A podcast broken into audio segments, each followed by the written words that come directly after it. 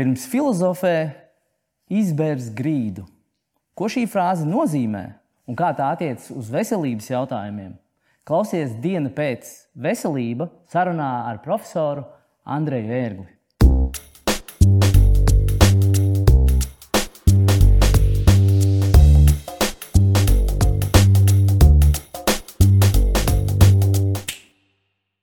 Jūs esat Stradiņu Universitātes kardioloģijas nodaļas vadītājs.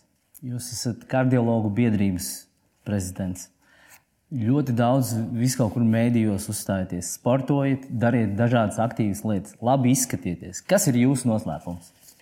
Vienīgais man jāsaka, to daudz jauc. Es esmu īstenībā Stradiņas slimnīcas eh, Latvijas kardioloģijas centra vadītājs, bet reizē nodaļas tam nav tāda nozīme. Un Paldies par komplimentu. bet arī es esmu Latvijas universitātes faktiski drīzāk arī profesors un tā. Bet, Jā, nu, es labi izskatos, to, to jūs man sakiet. Es, es, man mazdēls šodien teica, ka es esmu resns. viņš, viņš saka, ka otrādi, ka vajadzētu būt, ka vajadzētu būt labākiem. Tiem, tiem halkam esot tie, tie vēda, tie muskulīši. Tā kā tu, es domāju, ka kā saka, dalīt līdz tai mēs varam tiekties, bet mēs pilnībā nekad nesasniedzam. Un, un, un, un, protams, ka mēs ļoti labi arī pat, katrs pats, es domāju, zinām savas tās varbūt nu, kaut kādas vienā ziņā, kas mums vajadzētu zināt arī savas tās labās puses, bet mēs ļoti pietiekami daudz zinām to, kas mūsos varbūt trūks un ko mums vajag, varbūt, ko mums ir jāstrādā. Un īstenībā es pats esmu daudz iemācījies to arī no jaunākiem cilvēkiem, ka, uh, kas man varbūt nebija tajā, un varbūt tajā laikā arī, kad es augu un, un skolā mācījāmies. Un daudz citas lietas varbūt pat nebija tā ideja par to, ka arī pašam cilvēkam ar sevi tā kā ir jāstrādā pietiekami daudz. Un es domāju, ka to var tieši mācīties no mūsdienu pasaules arī. Un, un, un tā, ir, tā ir tāda laba ziņa. Protams, nekoncentrējoties un tikai neiecentrējoties uz sevi pašu. Tā kā es vienkārši kaut kā tā dzīvoju. Cik, cik liela nozīme šajā darbā pašam ar sevi ir ne tik daudz, kas ir, protams, ļoti būtiski. Ne jau tā, tieši tāpēc ārsts izvēlās ārsta profesiju, jo tā ir cēla misija, misionāra faktiski profesija, bet tieši jūsu paša dzīvē, veselībai, kāda ir tā nozīme? Praksē. Nu, redziet, jūs aizskārāt ļoti nopietnu tēmu, tāpēc ka īstenībā man varbūt arī nu, šodien mums liela tā, liela tā, tā tas, eh, nu, ko mēs saucam par komandu vai kolektīvu, vai sauciet, kā gribiet. Un, un, un tad um, vienkārši arī tagadējais laiks, pieņemsim. Bet tas nav tikai tagadējais laiks. Vispār es nedomāju par tagadējo to mūsu to, to infekciju laiku, bet vispār tagadējo laiku kā tādu. Viņš eh, laikam mēs drusku pārvērtējam dažādas vērtības. Jo par to veselību, par to ārstu misiju runājot, man tiešām tur, tur mēs varam ļoti gari runāt. Es, protams, pats nekad man pat prātā, un ko es tā nevaru iedomāties, ka kāds cilvēks varbūt kādreiz gribētu mācīties medicīnu, tādēļ, ka viņš gribētu sevi ārstēt. Nu, tas nav, tas nav, tas ir tas, tas, tas atklāts sakot. Es domāju, varbūt kāds ir ies, bet tas ir jocīgi. Nu. Bet, bet skaidrs, ka arī es neesmu pārliecināts, vai, vai tajos 18 gados, ne tajos 19 gados, ne varbūt pat drusku vēlāk, ir tik ļoti liela tā misijas apziņa. Skaidrs, ka medicīna ir vilinoša. Tur ir ļoti daudz dažādas eh, zinātnes kopā. Tā ir noslēpumaina, tā ir to, ko varbūt bērns jau saskarās no paša sākuma savā dzīvē, ka kaut kas sāp un tad kaut kā mēs tur plākstam līmējam. Vai tur kaut kāda sprica ir, vai vēl kādas lietas, vai, vai tur augstēšanās un zāli dzer. Un tā, un tā varbūt veidojas, nu, tur vēlāk jau literatūra un filmas un veidojas tie priekšstati. Bet, um, Bet eh, īstenībā mums vajadzētu ļoti pārskatīt, es domāju, visā pasaulē. Īstenībā šis ir ļoti labs pārmaiņu laiks. Visā pasaulē vajadzētu ļoti pārskatīt ideju par to, kas vispār ir medicīna, ko mēs sagaidām no medicīnas un kam ir jāstrādā medicīnā. Un tā ir, liekas, lieta, kur mēs ideāli redzēsim. Īpaši tagad, es vēlreiz saku, mēs jau tā kā nodinājām nerunāt par to, varbūt par to Covid laiku, bet tas vīrus, vīrus ir ideja, kas vispār izmaina mūsu organismu. Ja nebūtu vīrus, faktiski visticamāk, ka vīrus ir pirmie gandrīz elementi, kas sākās uz Zemes, un tālāk tur viss tas veidojās. Un un vīrus, ir, vīrus kā tāds, viņš maina, maina gēnus, maina daudz šūnas, visu kaut ko citu, un tas rada izmaiņas. Un šī gadījumā tas maina arī sabiedrību. Un, manuprāt, mēs ideāli redzēsim to, kuras sistēmas strādā, kuras nestrādā, un vēlāk analizējot, mēs varēsim saprast to. Un te ir tas, ko jūs vaicājat par to, jo medicīna, atklāti sakot, tam ir jābūt tur ir jābūt tādam īpatnējam kokteilim un sajaukumam, jo jums ir primāri jāgrib palīdzēt. Un tad, protams, tur radās sacensību izaicinājums, tur, tur vispārējās lietas. Ja. Okay, tad jautājums tāds, nu, ja mainās medicīna un viņai ir jāmainās, tad, piemēram, no šī brīža skatoties, ļoti daudz cilvēku teiksim, man jautā, ņemot vērā, ka es mazliet esmu tajā veselības veicināšanā. Ko mēs jau esam jau runājuši. Jau, jau esam gadu, runājuši, jā. jā. Un, un, un tad bieži vien jautā, mēs aizskāruši esam tik daudz dažādus tematus, un cilvēkiem ir ļoti daudz sāpīgas lietas. Jā. Un, un tu prasa, kā tad novērtēt, kas ir speciālists, kas ir labs ārsts, un kā jūs raksturotu, kas tad veido labu speciālistu, labu ārstu par tādu, kas ir tie kriteriji, kā šo novērtēt? Jā, jūs man uzdodat tādus mūžības jautājumus. Nē, nē, es, tas ir man, man ir milzīgs prieks Redziet, tā, tā lielā lieta un tā labā lieta ir tāda, ka mēs pašreiz runājam jau citādā veidā. Jo tad, kad tu tāda, tāda pielūgsme, ne, protams, tas ir brīnišķīgi skaisti, tāda pielūgsme, tur kāds, nu, ko jūs, vai cienījamo mākslinieku, vai doktori, nu, kas ir jūsu nu, tajā panākuma pamatā un tāds. Skaidrs, ka tās lietas ir īstenībā daudz tādas, tādas no vienas puses brutālākas un varbūt arī vienkāršākas, no otras puses pietiekami sarežģītas. Bet tā viena lieta, tas ir darbs, tas ir darbs, ko jūs ieguldat. Nu, tas jebkurā lietā, nu, tur nav nekāda atšķirība. Tas ir darbs, ko jūs ieguldiet. Jo, principā, kādreiz man, tā, man tad ļoti smieklīgi liekas, tur pieņemsim kādam ķirurgam, ļoti jaunam ķirurgam, viņam pēkšņi iznāk kaut kāda fenomenāla operācija. Nu, tad, tad viss saka, jā, nu, tur ir piedzimusi zvaigzne. Nē, nē, mīļie draugi, jūs paskatieties, kas ir to zvaigzni pēc 10, 15 un 20 gadiem. Tas ir tāpat kā teātris mākslā. Jūs kino mākslā varat uztaisīt vienu lomu, cilvēks nospēlē pats sev. Tur viss ir vai ne? Viena kino... hita brīnums. Absolūti, viena hita precīzi. Un tieši šis ir tieši tas pats stāsts. Īstenībā arī medicīna ir tas, kā jūs redzat, ko jums var iedot tikai to to mūžu, to, ko jūs esat izdarījis pietiekami ilgā laikā, ko jūs esat atstājis, ko jūs esat atstājis saviem skolniekiem. Vai jums ir vispār skolnieki, vai jūs esat dalījies ar kolēģiem, vai jūs tikai viens pats esat gribējis tur kaut ko tādu, vai ne, tu zināt, tur nerādīt, kā jūs tur operējat, vai, ne, vai vēl kaut ko tādu. Tā kā, tas ir vesels, bet eh, es domāju, ka tas ir viens ir darbs, darbs tas ir noteikti. Un otrs, tā, protams, ir kaut kāda veida. Mums tur rāda doktora Hausu, vai ne? Un tu, tu viss tur brīnās un priecājas. Mēs ar tādu kretīnu kopā droši vien negribētu strādāt, vai ne? Un, un, un visticamāk daudz negribētu. Bet, ne, nu labi, tas, protams, ka tas ir vajadzīgs uztaisīt kā filmā. Bet es jums varētu tādus piemērus izstāstīt pasaulē. Tur vesels leģendas klīst. Nevar tu tā teikt, tas nav tik vienkārši. Skaidrs, ka viņi ļoti daudz kaut ko ir atstājuši. Bet normāli tādu nu, vispār ārstam tomēr vēl vienreiz ir jābūt. Pirmkārt, viņam jābūt ļoti darbspējīgam. Otrakārt, viņam ir jābūt nu, tādam, kas var paskatīties ar ironiju uz sevi. Jo tam, man liekas, ir ļoti liela nozīme, kas mazliet saprot dzīvi, jo es īsti neiztēlojos cilvēku, kas nu, pilnīgi nezina, kāds ir teiksim, tas. Uh, nākošais rīts, kā viņš var, kā viņš var, kā viņš var palīdzēt tam, varbūt tam, tam, tam, tam bet, bet kas ir, tas ir kaut kādi jautājumi, kas ir kaut kāds, varbūt, jautājumu virkni, ko, ko jāuzdod tādam cilvēkam, kā viens cilvēks no malas var novērtēt, vai tas ir ieguldījis darbu vai nav ieguldījis. Nu, ir grūti. Tas ir grūti. Tas jau ir tas, kāpēc ir tik ārkārtīgi daudz tās eh, pašais tā diskusija par to. Tas bija tas, kāpēc es saku, ka mums ir jāmaina. Mums tas nav vienkārši definēt. Jūs ir, ir ārkārtīgi grūti. Tas ir, saprotiet, tas ir tāpat kā līdzīgi jūs vērtējat arhitektūru, jūs līdzīgi vērtējat mūziku. Jūs līdzīgi eh, vērtējat vēl kādas citas lietas. Ja tu spotā ir vienkāršāk, jūs paskatieties uz tablo, Nu, jūs redzat, ja tur tāda, bet, bet, bet tas ārsta, es domāju, ka lielākais ārsta novērtējums ir patiesībā sakot, tas, ko par viņu domā cilvēki, pacienti. Un, eh, protams, tas arī viss nav tik vienkārši, jo jūs varat jau zināmā mērā šarlatānismu, nepavēlti tik daudz šarlatānu ir bijuši ārkārtīgi slaveni visādā veidā. Ja? Tur nav tik vienkārši, bet nu, eh, īstenībā tur, kur jau tas ir drusku vairāk saistīts ar tādām konkrētām slimībām, kas tiek izārstētas nevis vienkārši ar pašsajūtu. Tur tomēr tas ir kā jums to nu, īpaši jau ķirurgiem, tur tomēr nu, cilvēks, tas nāk no cilvēka uz cilvēku. Un, un arī, protams, arī kolēģi attieksmi. Es domāju, tā, bet, ja jūs man vaicājat, kā to jauno cilvēku dabūt, tad eh, es tur skatītos uz to, kam deg acis. Kam deg acis, kam ir, man ir diezgan skaidrs, kam deg acis, kam ir pietāte. Nevis atnāk, kas tagad ir drusku, kas tiek tā kā. Nu, tā kā Mazliet to var vērot arī. Jā, jā bet tur nav, tur ir visādi. Tur, tur, jo Drusku nekaunībai ir jābūt. Tā nav gluži. Ja jūs gribat kaut ko izdarīt, skaidrs, ka nu, tāda ir laba, laba veida, tā kā sportā. Ja? Nu, viņai jābūt neejot pār līķiem, bet nu, drusku tā, ka jūs gribat būt.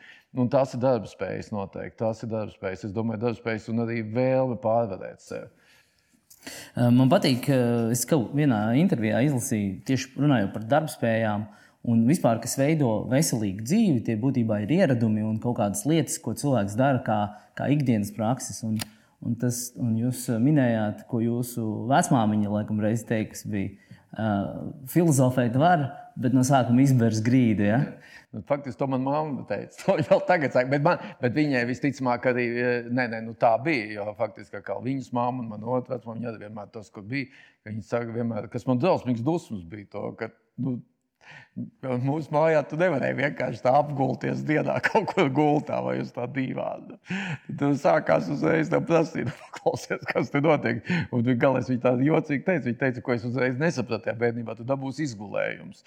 Un tie izgulējumi tie radās, ka mēs neapkopjam pietiekami mūsu pacientus, kas nevar un tā tālāk, kas mums arī visu laiku viņiem jādarbojas. Un tad tādā veidā tā arī bija. Bet, jā, jā, tas, tas darbs ir jādara. Bet man ļoti patīk tas, ko jūs sakiet. Es ļoti ceru, ka tas ir, mums ir jāsāk ar pašiem maziem bērniem audzināt, ka jums visu laiku ir kaut kas jādara. Tas nenozīmē, ka jums nekad nevajag būt atpūtai. Tā vajag būt atpūtai. Piemēram, katram ir sava drusciņa arī. Tas ir. Bet jums tomēr ir kaut kas noteikts, tas, tas nu, darba daudzums, kas jums ir jāpadara. Un ne jau tādēļ, ka varbūt to citiem vajag. Nu, tas ir tā kā teiksim, ticība saka, ka jums, jā, ja jūs krītiet Dieva priekšā, ne jau Dievam vajag, lai jūs krītiet priekšā ceļos. Jums jau vajag to. Ir, tas ir rituāls, tās ir lietas. Nu, darbs arī ļoti lielā mērā ir zināms tāds rituāls. Jā.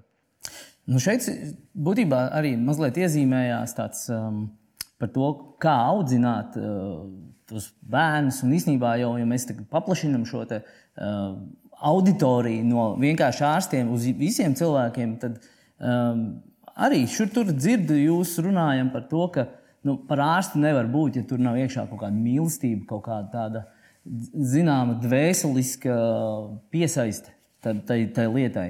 Un, un man kaut kādā ziņā jautājums ir tāds, vai mums gadījumā mazliet visiem netrūkst. Pilnīgi visās profesijās šis aspekts, kā iemeslā, mēs diezgan labi iekrītam tajā profesionālajā darbā, ļoti daudz sākam domāt par rēķinu maksāšanu un mazāk par to savu sevis pilnveidošanu. Nu jā, jūs, jā, es ārkārtīgi priecājos. Es vienkārši ārkārtīgi priecājos, ka mums tomēr ir tā paudžu tā atšķirība. Tāpēc es, man ir tik ļoti liels optimisms par to Latviju un arī par pasauli visādā ziņā. Un tu tiešām, jo mums atklāt sakot, tieši par šiem jautājumiem jārunā. Par šiem jautājumiem mums ir jādomā. Un skaidrs ir, ir bet tur ir jāsaprot arī viena lieta. Ka, Un tas ir tas, ko Angela Merkele saka. Viņa saka, nu, viņa, nu, iedomājieties, viņa ir Vācijas viens no vislielākajām uh, Eiropas valstu ne, tām premjerēm un tā tālāk. Un viņa saka, ka viņai vēl ir viena no tās bērnības, ka viņai iet veiklā, viņai liekas, ka viņai ir jāpiepērk pilns tas leduskapis. Ja? Un tas ir, tas ir mūsu tās dominants, kas ir bijušas. Un kādā veidā kaut arī interesanti, ka, protams, arī visstrakākajos okupācijas laikos, pieņemsim, man bija ļoti liela laime izaugt pilnīgā tādā mākslinieku, bohēmu, literātu, tādās, tādā, tādās aprindās, kur visu laiku faktiski meklēja to dzīves jēgu. Labi, tur bija konjaks, tur bija visādas citas lietas un tā tālāk. Tur bija sausais vīns, bet tu visu laiku meklēji dzīves jēgu. Tur bija ideja par to, kas ir kas ir vispār, kas ir dzīve, ne? ko tu aizliek, tu, tu padomā, tu brauc vai Vīsbelšvets šeit, vai, vai, vai, vai tā tālāk, un tā tālāk, ko lasīju, un es to tūkstošiem nosaucu. Un tāds. un tas ir pilnīgi pareizi. Mums ir jānāk atpakaļ tagad no tā, ka mums ir tas materiālais, tas materiālisms ir vairāk vai mazāk piepildījies, mums ir jānāk atpakaļ uz to, ko jūs sakiet, uz to sirdsgudrību, uz to inteligenci. Un tā ir jākopja. Tur nav tā, ka tā iedzīves pilnībā. Nē, nē, tā ir pilnīgi taisnība. Tā ir jākopja. Nu, pie rakstām galda tādas lietas neizdomā. Tādas lietas notiek tad, kad cilvēks sāk praktizēt visdažādākās arī, lietas. Arī jums ir. Es tā vienmēr. Tu, O, tas ir garš stāsts. Piemēram, man ir, man ir dēls, kas sāks operēt vai sāk lēnām. Un, tā. un tad skaidrs, ka viņam drausmīgi gribās. Bet nu, viņi pietiekami, tas nav viņi tikai, bet arī citi jauni cilvēki. Un tagad viņi sāk operēt. Ko operācija nozīmē? Viņi, tu vinnē, tu simts reizes vinnē, bet tu vienreiz zaudē. Un tad, kad tu zaudē, Nu, ja tu to nepārdzīvo, ja, ja tu zaudējumu nepārdzīvo, ja tev tas ir vienkārši viens eh, Kāpēc es nevaru, kāpēc man drausmīgi, man tas vienkārši ir pilnīgi satracina. Mēs jau tagad slimnīcā esam, ka mums bija tāda klienta apkalpošana. Nu, paklausies, slimnīcā nav klienti. Klienti varbūt, nu, es negribu tagad tā pavisam tā kļūt tāds vulgārs, bet klienti ir vis kaut kur, bet ne slimnīcā, tie ir mūsu pacienti. Mēs ar to cilvēku, ja mēs ar viņu, to, ko mēs viņam darām, pirmkārt, mēs, jūs man šodien prasījāt ārkārtīgi, vai ir kaut kas tāds, ko es negribu runāt, bet padomājiet, man jau tam, mēs jau ar tam cilvēkam vispār pieskaramies. Kas tagad pasaulē nav tā pieņemts. Mēs viņam pieskaramies, viņš mums priekšā ir kails. Viņš gal galā ir, ir, ir, ir, ir bezspēcīgs vienā brīdī. Viņam ir iedot narkozi, viņš ir bezspēcīgs. Viņš ir, viņš ir, viņi var, saprotiet, tā ir tāda galēja no vienas puses uzticēšanās, no otras puses apstākļu spiešana, bet no trešās puses tas ir arī absolūti divpusējs vai nu, daudzpusējs attiecības. Tādēļ, ka skaidrs, ka nevar tā, tas nevar būt vienkārši kaut kāds uh, gaļas gabals, kur jūs iemācāties uz tām vai ne uz tām uh, simulatoriem, kā tu vienu vai otru lietu darīt. Jā, nu, tur ir, tās, tās ir, tas ir ļoti interesanti. Īstenībā šīs mums arī profesionāli būtu ļoti daudz jārunā šīs tēmas. Un, un, un, un skaidrs arī vēl viena lieta Ja jūs man prasītu desmit gadus atpakaļ, to es, protams, to nerunātu tādā veidā. Tas arī nāk drusku ar to pieredzi. Un, un, un, un, un, un, un paldies par komplimentu par to izskatu, bet skaidrs, ka vienkārši. Nu, Man nopūderēja. Tāpēc Raimons Pauls teica, tev vienkārši nopūderēja. Viņš man to pateica, tāpēc, jo man viņš saka, ka man tie vati mazās, un vēl kas tā kā tas izskats nav nekas tāds. Bet, piemēram, jūs, jūs, sakiet, jūs sakāt, ka uh, ir jārunā par to arī ārstu vidū un sabiedrībā. Un, un mēs arī redzam, ka lielā mērā ir tāda rietumu medicīnas tāda fragmentācija. Vai, vai šādas lielas sarunas ne, ne, nepalīdzētu vairāk šo te, nu, teiksim, jūs esat, kā es teiktu, novērot no malas, teiktu, ļoti liels meistars tāda kopējā spēles laukuma saskatīšanā un redzēt kopsakarības starp dažādām. Piemēram, eh, jūs minējāt tādu lietu kā mm, nevis evidence-based, uh, uz pierādījumiem uh, balstīta medicīna, bet tā, bet tā ļoti personalizētā un, un savā ziņā kompleksā pieeja, kur pat ķirurgam blakus stāv zobārsts. Ja? Un tādā veidā. Respektīvi, šī lielās dzīves jēgas temats centrā varētu ļaut arī šo fragmentāciju mazliet pa paraķināt. Nu, jūs tā bliežat no liela gabala. Nē, nu, tas, ir, tas ir ļoti tas ir forši. Man nenormāli patīk tas, ko, ko jūs prasiet. Tāpēc, ka tās ir lietas, kuras pirmkārt es pilnīgi.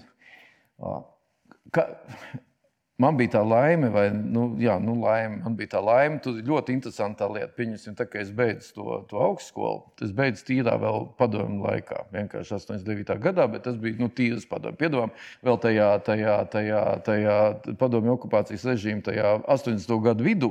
Tur varbūt to daudz aizmirsuši. Tur bija vēl iespējama ar, ar milzīgu rusifikāciju. Atklāti sakot, tur lika, piemēram, lasīt tās, tās lekcijas krieviski. Tur profesoram Lazovskim un profesoram Skujam un vēl kā, nu, kas vispār bija absurds, kas izņem ņem ārā. Kāpēc es to saku?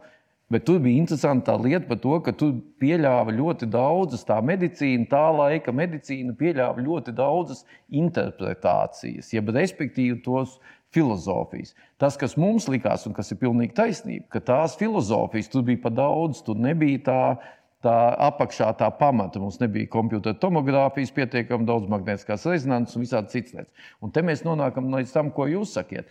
Savukārt, rietumu medicīnā, tikko es aizbraucu pie 93. gadā, varbūt uz, uz Stanfordu vai 94. gadā pie Andras un pie Kristapa Zariņa, un pie Andras Altu pēc tam uz Melburnā nostrādāju. Tur bija, kaut arī Austrālija arī bija drusku atšķirīga no tā, bet tur bija aizgāja tiešām tajā, ka tas ir tikai nauda, tas ir gandrīz tu samaksā, tev izdara to, tev samaksā, tev izdara to, tev samaksā, izdara to.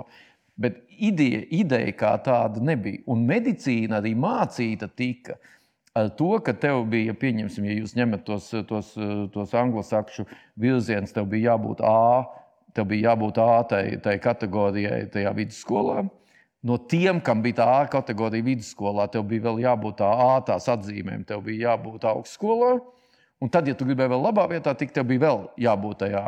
Nu, ticiet man, ka daudziem tur viņi bija varbūt ārkārtīgi gudri, arī ārkārtīgi visādā citādā ziņā apdāvināti. Bet dažreiz viņiem, pieņemsim, pietrūka vienkārši tādas elementāras lietas kā empātijas vai tādas elementāras lietas kā rokas, lai varētu operēt daudz ko un darīt. Un tas atklāti sakot, visticamāk, ir tas, kas akali nepareizi tā otra puse. Nu, es drusku sabiezinu krāsas, bet nu, saprotiet, ko es domāju. Un man ir diezgan interesanti bijusi tā, tā ideja par to, ko jūs tagad runājat, par to personalizēto medicīnu. Es jau diezgan bieži strādāju tādās valstīs, nu, tagad eh, nevaru, bet eh, tad lasu lekcijas un vadu kursus tādās valstīs, kur vēl ir drusku saglabājies tas iepriekšējais. Tas pavisam tur, kur nav tehnoloģiski pietiekami daudz tās lietas. Un tad tur tiek izgudrots viss kaut kas un tāds un tāds. Bet tad blakus nāk atkal tā, kur ir tā tehnoloģijas puse. Un ziniet, kas ir interesanti? Ja jūs to saliktu kopā, Tādā veidā mēs nonākam atpakaļ pie tās personalizētās medicīnas, tikai jau pavisam citā tajā, tajā lokā. Jo mēs nedrīkstam personalizēt medicīnu, balstīt uz to, ko viens ārsts domā. Tas ir jābalsta uz tiem, ko mēs runājam, uz to pierādījumiem balstīt vai uz to evidence-based jāaiziet caur personalizētu, caur jūsu ģenētiku un visām citām lietām, visiem jūsu omiskām un tām sistēmām, bet jums jānonāk, un tagad jau tā nākamā lieta ir šī precīzijas medicīna. Jānonāk vidē, kurā jūs dzīvojat, un ap, kas jums dzīvo apkārt, tie cilvēki. Un tā kā mēs faktiski, nu, tas ir tā kā tā, vai nu tie dantas, tie elles loki, vai arī vienkārši kāds nu, tas vījums ir, kādu mēs ejam tajā, tajā dzīvē, un, un, un atceroties Faustu, ja, ak, mirkli apstājies Mēs nedrīkstam apstāties. Tikko jūs apstājieties, jūs esat vēlnam rīklē. Un tas ir tieši tur, ir tas fausta, tas, tā, tā ģenialitāte, ka jūs nedrīkstat apstāties. Jūs nedrīkstat pateikt, tagad es esmu apmierināts ar to, ko es daru. Tagad, kad es esmu apmierināts ar to, ko es daru, jūs esat tam vēlnam rīklē un tam vēlnam pa kalpu. Un tas ir tas, kur mums ir jāsaprot, kāpēc ārsts nevienu mirkli, vienalga cik ilgi viņš arī strādāt, viņš nevienu mirkli nevar ap, apstāties. Tāpēc, mēs būtībā faktiski katru, gan drīz nu, nu, jau pat katru mēnesi mēs atrodam kaut kādas jaunas lietas. Nu, tā es droši vien vēl, ja drīkst piekomentēt klāt, ko es pats personīgi redzu kā lielu vērtību šim, šim visam tam sadarbībai, evidence-based un, un, un, un, un teiksim, tehnoloģijas. Uh, arī paša cilvēka atbildību klāt. Un kas mums tagad sniedz arī dažādas mērierīces, ko katrs pats var darīt. Ja? Un, un būtībā uzņemties pilnu atbildību par to, ko katrs dara. Un, ja to pieliekam vēl kā trešo pīlāru, izklausās, ka, ka, ka Tu, tur varētu jau izskatīties ļoti, ļoti spoži. Nu, redziet, tā ir tā precīzijas medicīna. Tas, ko jūs runājat, un es faktiski arī tieši par to arī domāju, tad, tas, ko jūs runājat, un kāpēc mums, piemēram, iet labāk daudzā ziņā. Tāpēc, ka Latvija, nu, ja jūs tā paņemat tādā nu, ģenerāli, nu, mums var teikt, ja? man vakar, es varu pateikt, ka man vakar zvanīja no Amerikas viens ļoti, ļoti, ļoti ļoti. Tur tāds kardiologs, kas jau, jau zinām, mērā jau tur jau bišķiņi jau nu, ne bišķiņi, bet ir gados un tā. Un viņš man prasa, viņš nevar pārvākties uz dzīvi. Te, nu, nu, tur, nu, tur nav vērts, ne? Te, tajā, tajā, tajā Latvijā, tajā, vai Igaunijā, un kaut kur te. Un viņi vienkārši zina, ka te labi iet. Un, bet, bet īstenībā tas, ko es gribēju teikt, tas, ko jūs sakat, tas ir, ir tautas izglītība. Tikko jums ir inteliģentāka tauta, tā jūs varat ieviest daudz vairāk rīkus, lai mēs varētu jau, tāpēc jau tas ir tik ārkārtīgi svarīgi runāties un stāstīt un arī dažreiz pierādīt mazliet, un arī dažreiz runāt to, kas nepārāk patīk. Un tad, kad jums ir šī, šīs, šīs visas lietas, ka jums ir šī sabiedrība, kas prot, jo nepietiek jau, ka jums ir donors, jums vajag arī recipientu. Un tas recipients ir tā, tā, tā tauta. Un tas, ko jūs sakat, skaidrs, ka, tā, ka jūs esat jau iedziļinājušies tajā. Un tāpēc es absolūti neuztraucos, ka mums ir daudz tās meitenes, kas tur stāsta, kas tur ir labāks. Tur tāds čips vai tāds čips vai kāds. Jau nav jau tik svarīgi, kā, bet mums ir jāiet uz to, ka mums vajag to labāko, ja, kā Oskars Vailds teica. Un, kam vienkārši gauja, man patīk vislabākais. Un tas ir par veselību. Mm -hmm. Un tad tieši uz šīs nots vēl uh, noslēdzošais jautājums, ņemot vērā, ka mums mazliet ievirzījās tādā filozofiskā gaisotnē. Kā jūs, jūs defi... izdarījāt? Jā. Jau kā jūs definētu, pavisam īsi definētu, kas ir veselība? Nu, veselība ir tas, ir, tu, tur ir druskuļi grūti, jo es visu laiku tajā savā lekcijā to Wikipēdijas uh, definīciju lieku. Man tā ļoti patīk. Jo veselība tā ir tas, kas jūs. Pirmkārt, veselība ir jūsu atbildība. Ar to ir jāsaka. Veselība ir jūsu atbildība, un jūsu atbildība jūsu bērnu, tuvinieku, mammu, tētu, omām un visu vecumam priekšā. Tā ir veselība, ir, ir, ir indivīda tiesības, tās ir pamatiesības, tā ir tas rakstīts.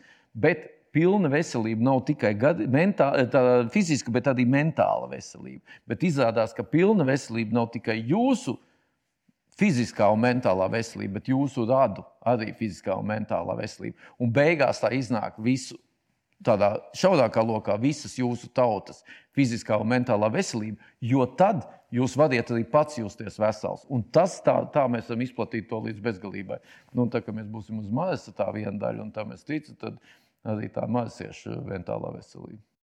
Tātad veselība ir Tad, kad visi ir veseli, un kā arī indiāņi nekad nav izvēlējušies atsevišķu vārdu savā leksikā, nav tāda vārda veselība, tas arī ir tas, kas ir veselība. Tad, kad viss ir vesels. Tas Paldies! ir Paldies! Paldies.